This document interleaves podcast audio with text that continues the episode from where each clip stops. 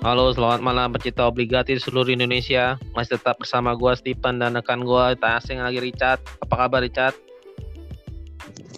Malam Steve. Halo. Halo. Baik, baik, baik. Khususnya dari sahabat obligasi ingin mengucapkan happy birthday buat rekan gua nih Richard nih. Woi, thank you, thank you Pak. Walaupun sudah ya udah berlalu lah. Iya, masih be beberapa hari Pak. Biar sahabat obligasi juga pada tahu. Thank you banget, thank you banget. Siap, siap. Gimana nih, Pak? Nah, untuk balik lagi topiknya balik, balik uh, ke Itali apa Eropa League yang dapat kabar positif BS Roma kita ya? AS Roma ya menang ya di kandang Ajax. Tuh, setidaknya menolong. setidaknya ya Eropa League kita punya satu perwakilan ya di ya. kancah Eropa. Ya, masih ada napas buat dari AS Roma menang 2-1 lawan Ajax. Setidaknya dapat poin bagus lah ntar di kandang AS Roma. Semoga nahan ya. Jangan sampai bocor ya, semoga di Olimpico mereka bisa uh, mempertahankan keunggulan ya. Karena emang satu dua ini skor yang bagus sih. Karena emang mereka bisa dua gol tandang.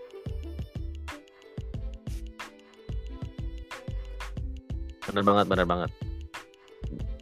Kita balik ke Serie A lagi atau gimana nih Cat? Karena kan Eropa League cuma satu wakil doang AS Roma. Yes. Paling itu balik. Uh. Seri A kemarin ada partai tunda ya yang belum lama nggak disiarin akhirnya di pertandingan kembali partai tunda Juventus A. Di mana itu Juventus Napoli Juventus mendapat hasil positif tuh. Gimana Dua, Liverpool ini partai yang paling bikin heboh kayaknya di di apa stadionnya ini musim ini. Harusnya main di apa pekan-pekan awal ya cuma gara-gara uh, saat awal. itu otoritas yeah. kesehatan lokal Napoli juga melarang Napoli pergi. Dan akhirnya uh, kena, kena dulu, dulu ya. poin. Dulu. Iya akhirnya iya akhirnya diputihin lagi. Akhirnya, akhirnya iya. juga ini uh, match dan emang nggak mengecewakan sih. Ya, main, ya main. tempo tinggi juga. Uh, ada beberapa penyelamatan juga oleh Buffon. Emang uh, wajar sih untuk uh, dimainkan gitu. Layak ditunggu nih game sebenarnya. Iya benar.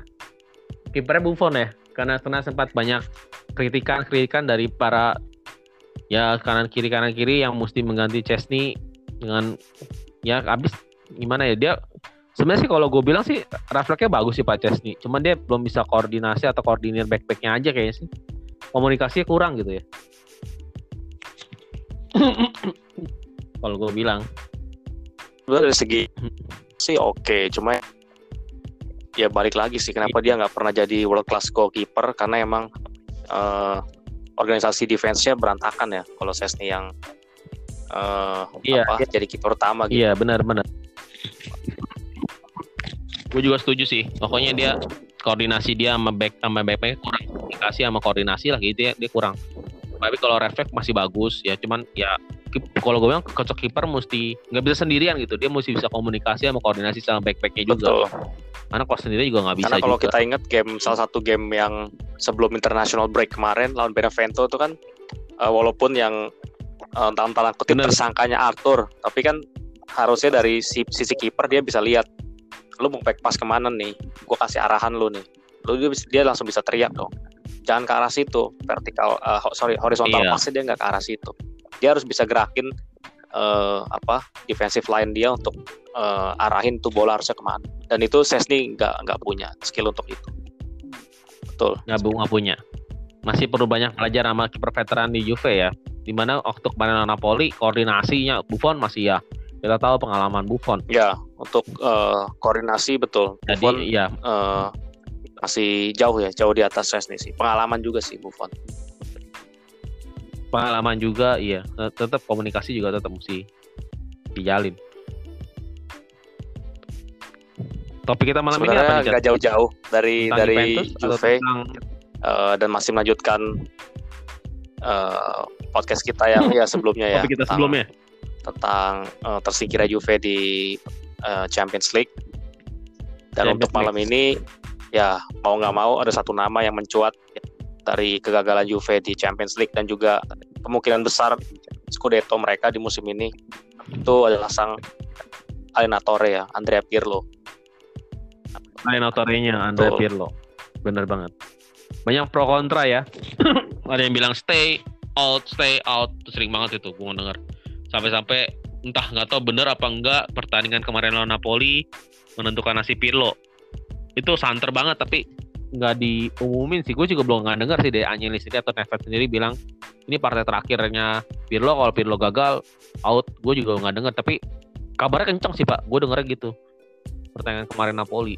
Kalau yang gue tangkep dari media-media nih ya, dari beberapa sumber juga, itu ya, sebenarnya dari hmm. uh, Andrea Agnelli sudah gatel untuk uh, dalam tanda kutip pull the trigger ya untuk menarik pelatuk gitu untuk uh, pecat Pirlo tapi Pirlo ini benar-benar didukung oleh Paratici dan Nedved. Kenapa?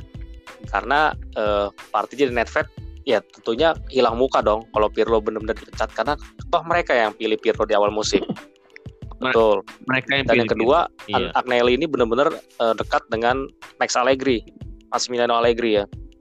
Bahkan sebelum uh, mereka nonton bareng. Kemarin nonton Torino ada ya, Pak kan. ya? Allegri iya, uh, duduk bersama dengan Agnelli, betul. Dipanggil Dan lagi. Agnelli-nya justru nggak justru Agnelli itu mempunyai hubungan buruk dengan Partici dan Nedved. Nah, jadi emang dari sisi top management juga mereka nggak satu suara nih. Presiden maunya apa, tapi direktur-direkturnya maunya apa gitu.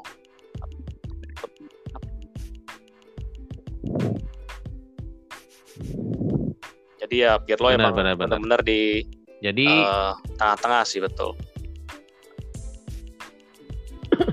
Dan kemarin ada uniknya juga sih Pak ya.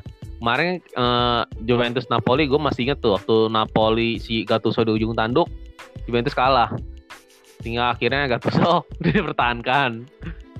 Dan ini partai penentuannya Pirlo, Pirlo di ujung tanduk. Jika Pirlo kalah, Pirlo dipecat, Gattuso kalah. Atau mungkin janjian ya. Ini persahabatan Ex, luar biasa uh, dalam tanda kutip. Rekan setim di timnas dan di Milan ya. Bisa jadi janjian. Timnas. Saling, menga Karena saling kita tahu mereka berdua jabatan. Jadi teman akrab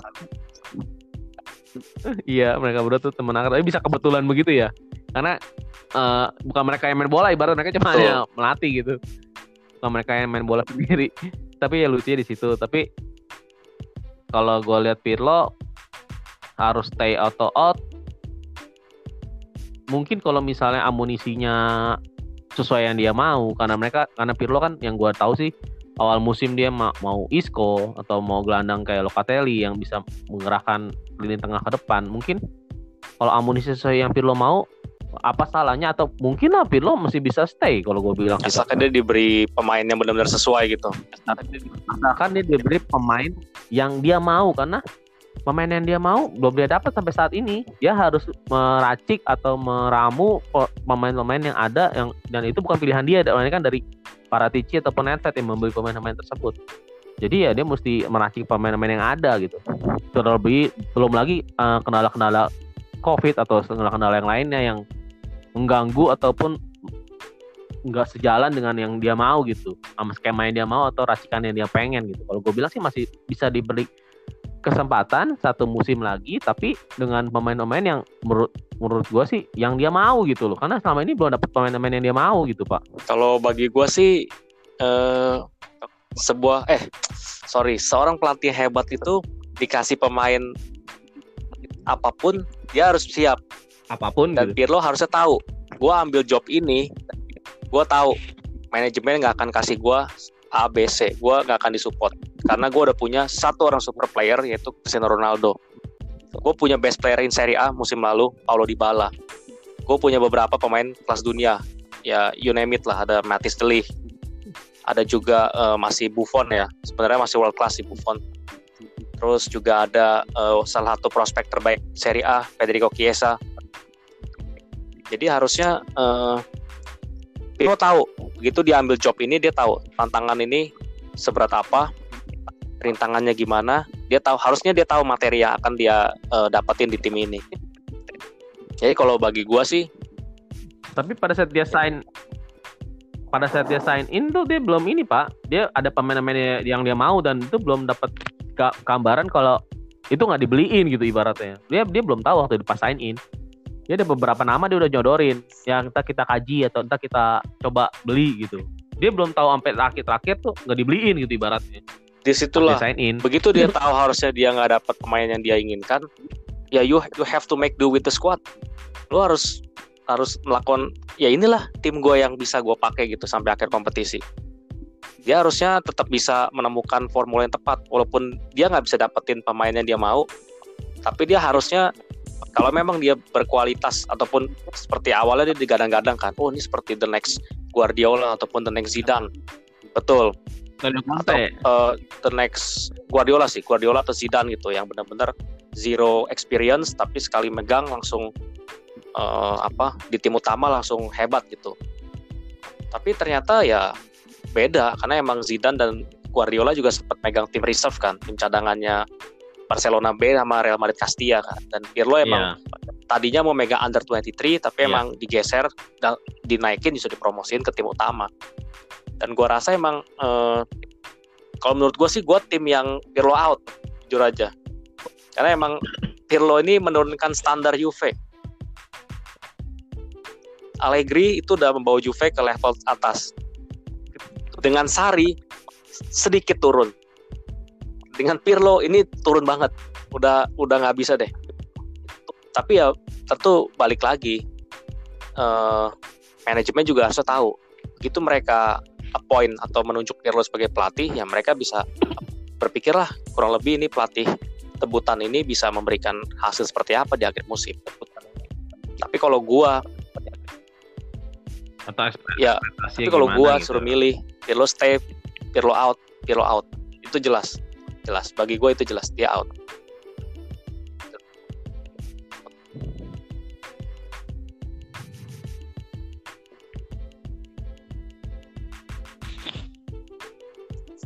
Agak susah sih ya kalau misalnya kita bilang harus dia out harus dia harus dia stay.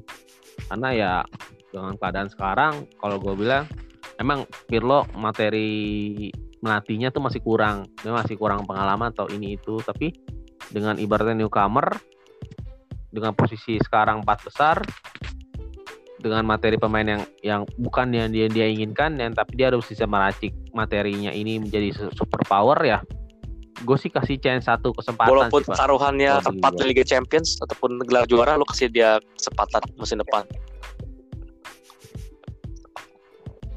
Iya, gue masih kasih kesempatan. Ibaratnya kalau empat besar ini mungkin masih bertahan empat besar sampai sampai akhir musim. Tapi ya coba kasih kesempatan dengan pemain yang dia inginkan, coba gitu. Siapa tahu atau bukan siapa tahu sih maksudnya dengan pemain yang dia inginkan kita lihat nanti ke depannya gimana. Ya ibaratnya diturutin dah dulu maunya apa, gue beliin dulu pemain ini. Kalau masih masih begini juga atau nggak sebagus ini juga ya mungkin bisa eksekusi yang lain gitu, tarik pelatuk Pirlo out atau gimana. Ntar kita lihat dulu karena materi sekarang tuh bukan materi yang Pirlo mau gitu. Ibaratnya dia oke okay lah dia dapat pemain-pemain sekali Cristiano Ronaldo tapi Ronaldo tetap perlu bantuan sokongan dari kinerja yang lain, tim-tim maksudnya eh, posisi-posisi lain, gelandangnya atau penyuplai yang lain karena dari sisi penyuplai itu nggak ada atau dari sisi penyuplai itu kurang gitu. Sehingga Ronaldo harus mundur lagi. Ya seperti nyari-nyari bola gitu gitu pak.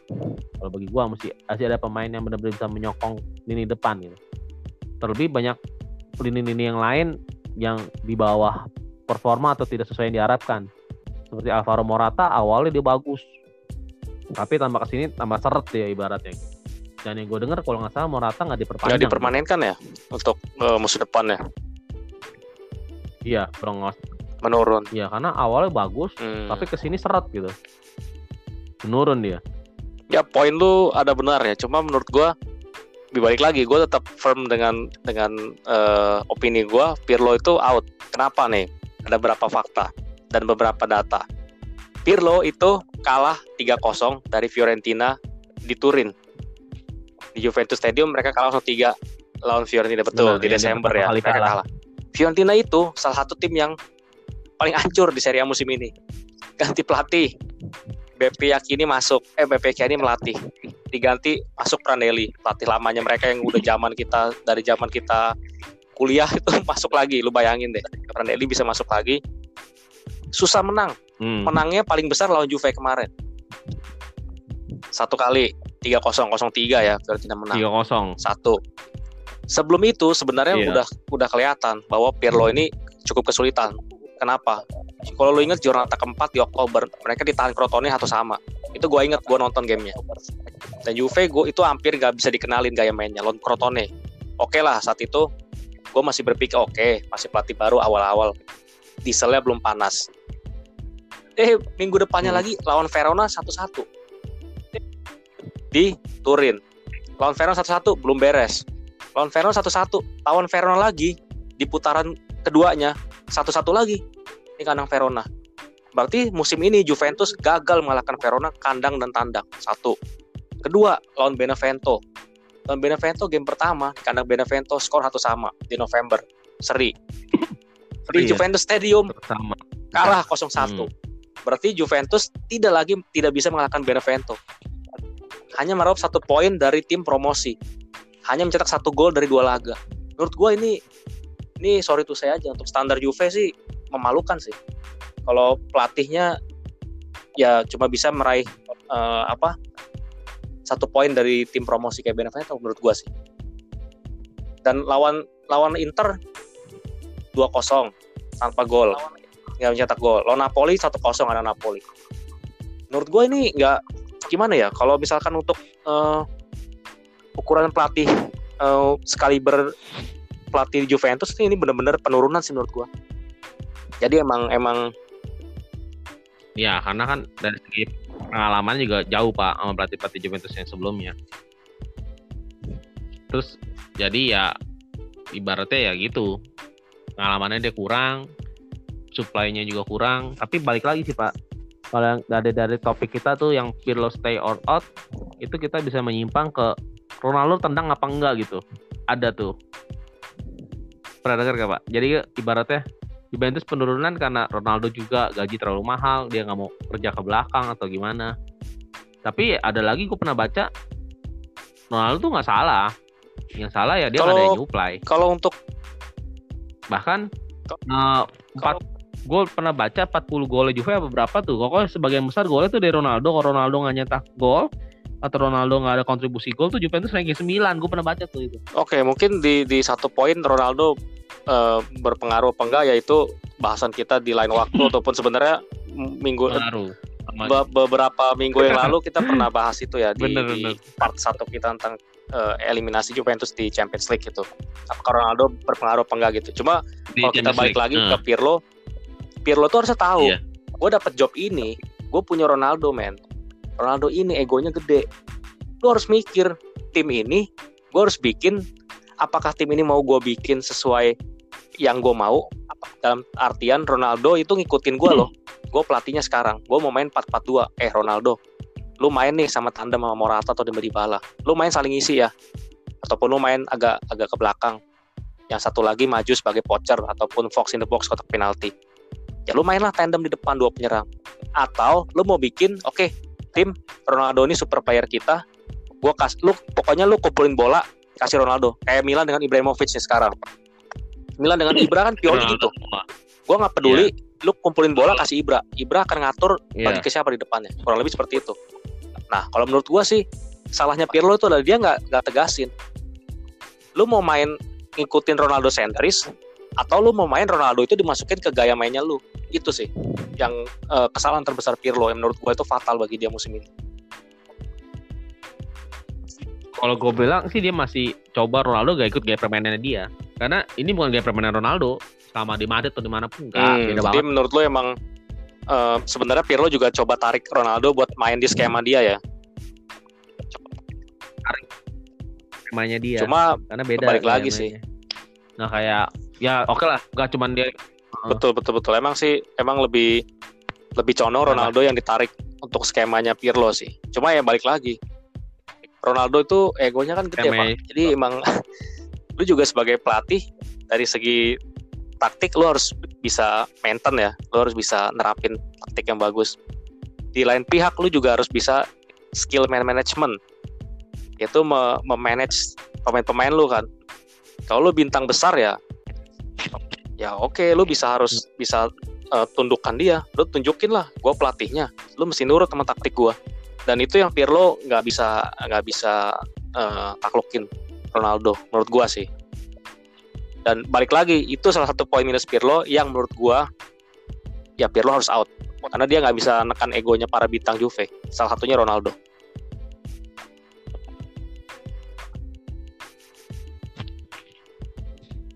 Kalau dari para pemain sih kalau dari pemain pemain itu kan sebenarnya ngikutin pelatih ya. Kalau gue sih gue tipe tipe orang yang ber gue tipe fans bola yang berpegang teguh pada pokoknya tuh pelatih semuanya. Karena pelatih tuh kepalanya kan ya kayak perusahaan lah, bosnya lah. Gitu kan. Lu mau anak bola bagus apa enggak, lu leadershipnya gimana dong? Kalau lu mungkin caranya ngelatihnya atau cara nanganin anak buah lu nya kurang oke okay, atau kurang komunikatif ya anak buahnya juga mungkin malas-malesan ataupun nggak sesuai dengan yang dia mau permainannya di lapangan kan. Kalau menurut gue sih Pirlo kurang juga sih. Banyak yang bilang pas awal-awal kan Pirlo ini karismatik sekali gitu. Nggak ngomong aja takut musuh gitu kan. Akhirnya nggak ngomong malah bingung. Nggak dengar tuh Iya malah katanya dengan dengan itu dengan tatapan. hanya dengan tatapan saja bisa membuat karismanya uh. hebat gitu. Buktinya dia nggak pernah ngomong di game juga jarang teriak-teriak. Akhirnya juga bingung pemainnya di lapangan. Ini instruksinya gimana nih? Ini berbanding terbalik dengan Antonio Conte ataupun Gattuso ya, yang sepanjang game itu teriak-teriak, lompat-lompat lah, gue nggak tahu, ngambilin bola lah, teriak-teriak untuk uh, ngatur-ngaturin pemainnya posisinya atau passingnya harus ke mana itu benar-benar uh, berkebalikan banget dengan pribadi Pirlo gitu. Dan menurut gue sih ya sebenarnya sih nggak nggak harus lompat-lompat teriak-teriak kayak Conte dan Gattuso, cuma harusnya Pirlo tuh lebih lebih bisa apa ngatur timnya sih kalau menurut gue sih pas 90 menitnya itu. Kalau banyak banyak game gue lihat Juve main tuh ketika ketinggalan ataupun nggak bisa nyetak gol, kamera tuh shooting ke bench ke Pirlo. Pirlo-nya bingung. Tatapan mata itu bingung, kosong.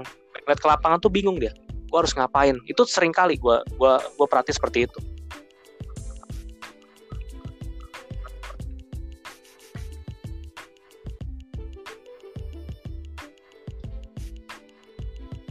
malah ada gosip yang kalau kita bahas dari yang lu komen Pirlo out Zidane kayak kasih bumbu-bumbu gitu ya. Dia kangen sama Itali. Tapi kalau ngomongin masa depan ini udah siap tahu, kata dia. siap disambut gitu ya kan. sama sama Zidane. Ya sebenarnya Zidane kalau masuk pun sebenarnya iya, bikin seru juga sih. Maksudnya dalam artian Serie A juga juga akan lebih uh, apa, bertambah ya exposure Karena emang Zidane kan uh, ya siapa yang nggak tahu Zidane dari sebagai pemain, sebagai pelatih sukses juga Liga Champions uh, iya. berkali-kali sama Real Madrid kan. Dan gue rasa emang iya. dia figur yang lumayan Zidane pantas. ada ngomong gitu Zidane sih gue pernah baca sih pak. Ya, ya gue pernah baca dia bilang suatu saat dia balik ke Juve, Ini, tapi entah kapan. Mirip dia pernah kalau Diego gitu. Simeone ngomong suatu saat gue pulang tapi ke Inter berlatih, tapi nggak tahu kapan. Ya kurang lebih kayak gitu betul. Inter.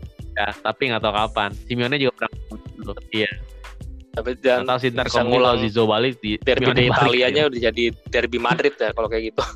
jadi Real versus Atletico itu udah penjelmaan. ya Atletico bisa jadi kebanyakan Ntar kan main-main Inter banyak pemain membawa pemain yang pernah dia latih ke klub berikutnya ya biasanya sering gitu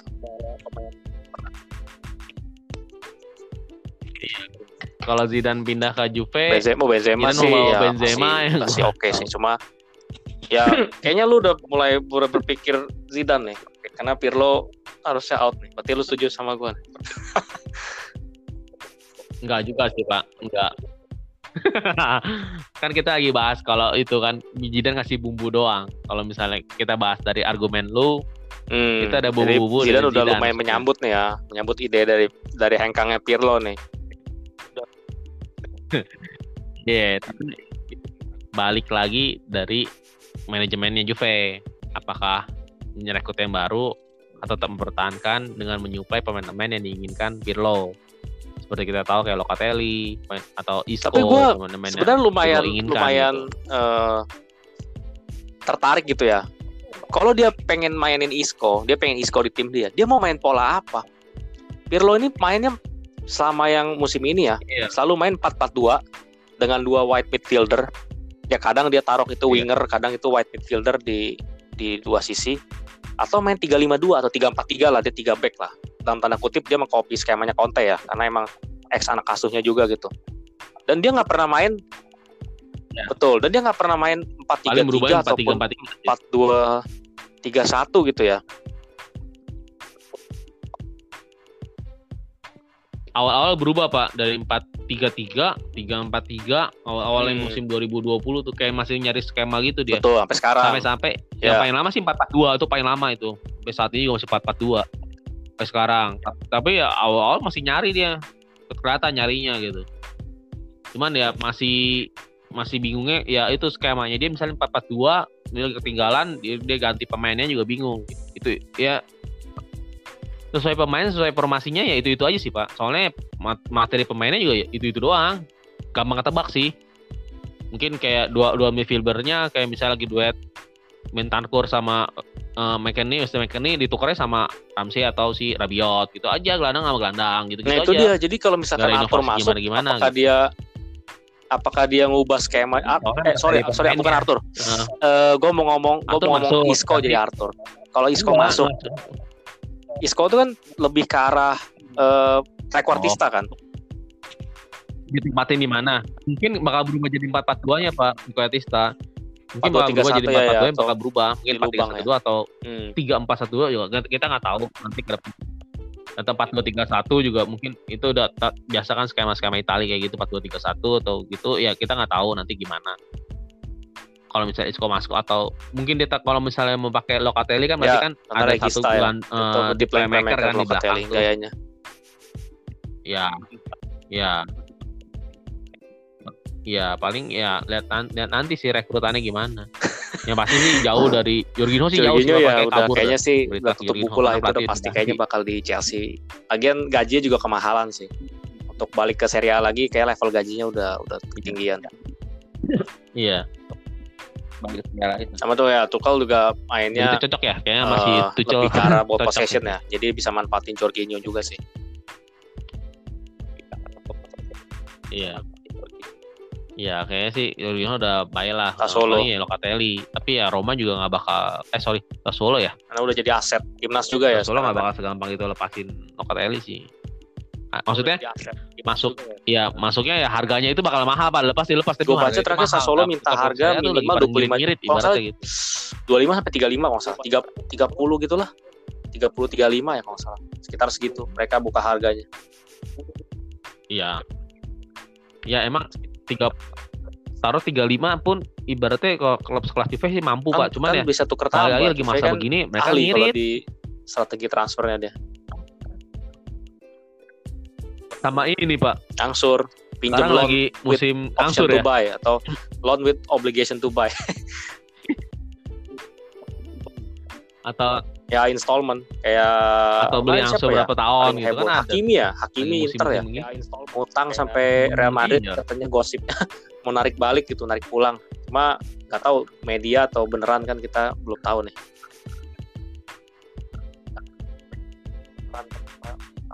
Iya benar. Juventus berikutnya lawan Tapi kok tim ma- salah partai tim yang berikutnya lumayan Juventus lawan alot ya siapa nih di besok? eh, paruh kedua nih Genoa. Berikutnya lawan tim yang alot ya.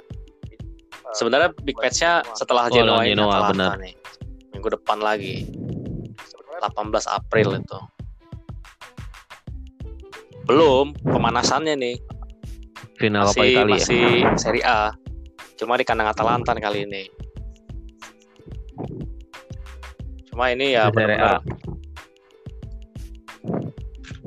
Kalau big partai besok untuk minggu ini sebenarnya sih yang big match bisa apa nih pak? dibilang yang paling bisa dibilang sih nggak ada big match ya minggu ini ya. Cuma yang beberapa partai partai krusial itu mungkin yang gua highlight Iya. eh, atau yang mungkin kita bisa lumayan kupas itu mungkin di Milan kali ya. Parma Milan tuh mainnya di Sabtu malam ya jam 11 kalau nggak salah ya. 11 malam.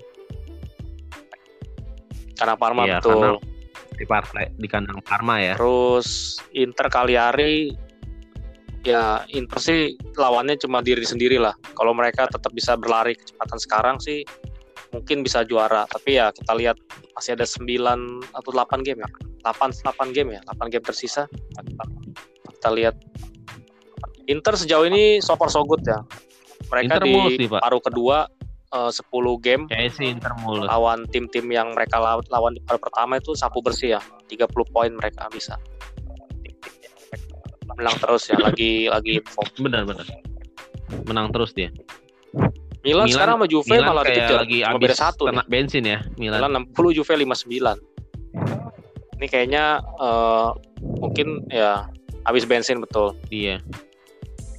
Karena Milan kayak habis bensin gitu pak. Nggak tahu. Ya kita tahu lah. Sesuai kita bilang dari pertama kali tahun akhir tahun 2020 Ya, kita bilang Lazio sama Inter. Pioli kan ya biasa lah bensinnya. terakhirnya juga awalnya kencang. apa eh, kehabisan tenaga betul Iya benar. Akhir terakhir yang mulai. wah kayaknya kalau kita tenaga. prediksi Kita, kita, Kita prediksi, lah. prediksi- Milan masih kita prediksi Milan Milan Karena pra- langsung berantakan kita prediksi Juve di Eropa Juve tersingkir wah ini kayaknya kita bikin podcast malahan ini apa tim yang kita bahas menurun nih performanya ini ini ini jinx ini jinx dari dari podcast kita nih Nggak juga pak. enggak lah kebetulan ini, aja. ini cuma kebetulan betul betul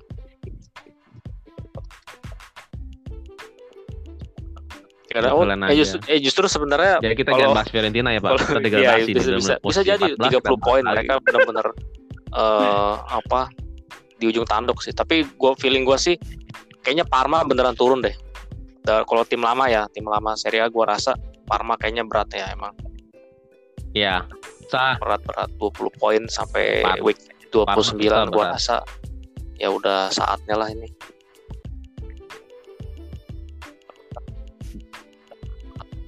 Biarpun Inter lawan Cagliari di peringkat 18, Alot, tapi kalau tim-tim bawah Serie A tuh kalau lawan itu kan tim-tim isinya gede, cukup alot ya, setengah dari tim Susah pemain Inter, ex pemain Inter. Diego Godin, Iya, nih, maksudnya. Raja Nainggolan, Kuatwa Samoa, Alfred Duncan, Iya, Gabriel Zappa itu udah berapa gue sebut? Lima ya? Bola. lima orang aja dari Inter semua. Jadi emang eh, ya ini cukup tricky sih Hmm. game ini apalagi mainnya di siang ya. 11.30 waktu Inggris jadi di kita jam setengah tujuh malam kalau salah. Atau setengah setengah tujuh malam ya. Itu di Italia setengah satu siang. Ya Setengah jadi mereka masih main siang bolong. Setengah enam kali, Pak. di kita ya nontonnya sore gitulah hmm, itu game yang yang susah itu lunch time itu. Soalnya panas kan. Iya, setengah enam. mereka siang nggak terbiasa. Hmm. paling ya itu bahasan kita di week 30 ya untuk game-game yang lain ya em, kayaknya belum ada yang krusial juga ya. Kita lihat nanti kayaknya Ya, kalau kalau Juve lagi, bikin bikin Genoa bikin sama Juve, Juve bikin Genoa. blunder Genoa Siapa bisa ambil poin gua nah. rasa ya opini gua Pirlo out makin cepet gua makin optimis nih kalau gitu feeling gua sih feeling gua Allegri yang pulang Coba kita lihat. Sama Feeling ini, gua, gua, feeling gua ada pertanyaan. Allegri masuk ya. Kalau feeling lo. Enggak, gua ada dengar pertanyaan, eh bukan pertanyaan sih, gua pernah baca kayak ngedenger Paulo Dybala tuh sengaja diistirahatkan gitu, Pak. Karena dia nggak mau tanda tangan kontrak. Karena gajinya nggak mau diturunin ibaratnya. Dia mau tetap gaji segitu perpanjang. Jadi ibarat di diistirahatkan lah tanda kutip gitu. kalau dia udah sembuh dari kapan hmm, tahu. Begitu yang gue dengar, Pak. kalau gua Lu pernah baca justru nggak? Eh, ya balik lagi sih ya ini ini eh, kan media juga kadang-kadang berspekulasi sendiri gitu. Cuma dari yang media-media yang sempat gua cek itu sebenarnya justru enggak sih dari Iya. dari Juventusnya mereka justru berharap di bala ini lu perform dulu deh. Baru selalu perform, gua baru sodorin kontrak. Karena emang eh, kontrak kalau salah dia minta 15 juta kan. Sekarang dia kalau nggak salah gajinya itu 10 setengah ya atau berapa gitu. Dia Iya, Pokoknya dia mau gajinya- 15 juta. Juve itu offering di di bawah 15 juta dan akhirnya dia nggak mau sign karena emang gue maunya 15 juta kok ngapain lu nawarin gue segini gitu. Nah Juve itu sebenarnya nunggu gue kasih lu deh chance kesempatan buat buat tunjukin diri dulu nih lu pantas nih dapat kontrak. Eh ternyata kemarin pergi party kan di, kan- di rumahnya McKennie kan. Kasus lagi tuh walaupun kemarin ngegolin kan lawan Napoli gitu gol penentu Iya, cuma ya kayak ya pribadi cukup sulit ya di bala ya maksudnya ngegolin. ya lu kontrak mau habis sering cedera tapi malah eh, keluyuran kan gitu Iya. Tak fisik. Terus kayak ditahan sama Juve, gue denger dia dia nggak dimain-mainin gitu. Akhirnya kemarin emang sebenarnya gue perlu Ya, sih perlu game dimainin karena Juve kan itu salah satu sebelum Ronaldo bahkan Dybala changer ya. juga dia. pas masih ada Higuain sama Mandzukic saat itu betul Dybala tetap Dybala. lawan Genoa Jadi ya ibaratnya coba kita nanti lawan Cagliari. Eh, ya we'll see lawan Genoa, sorry. Pirlo stay atau Pirlo out tapi gue tetap Pirlo out gue tim Pirlo out itu- Iya, apa lebih baik? Iya.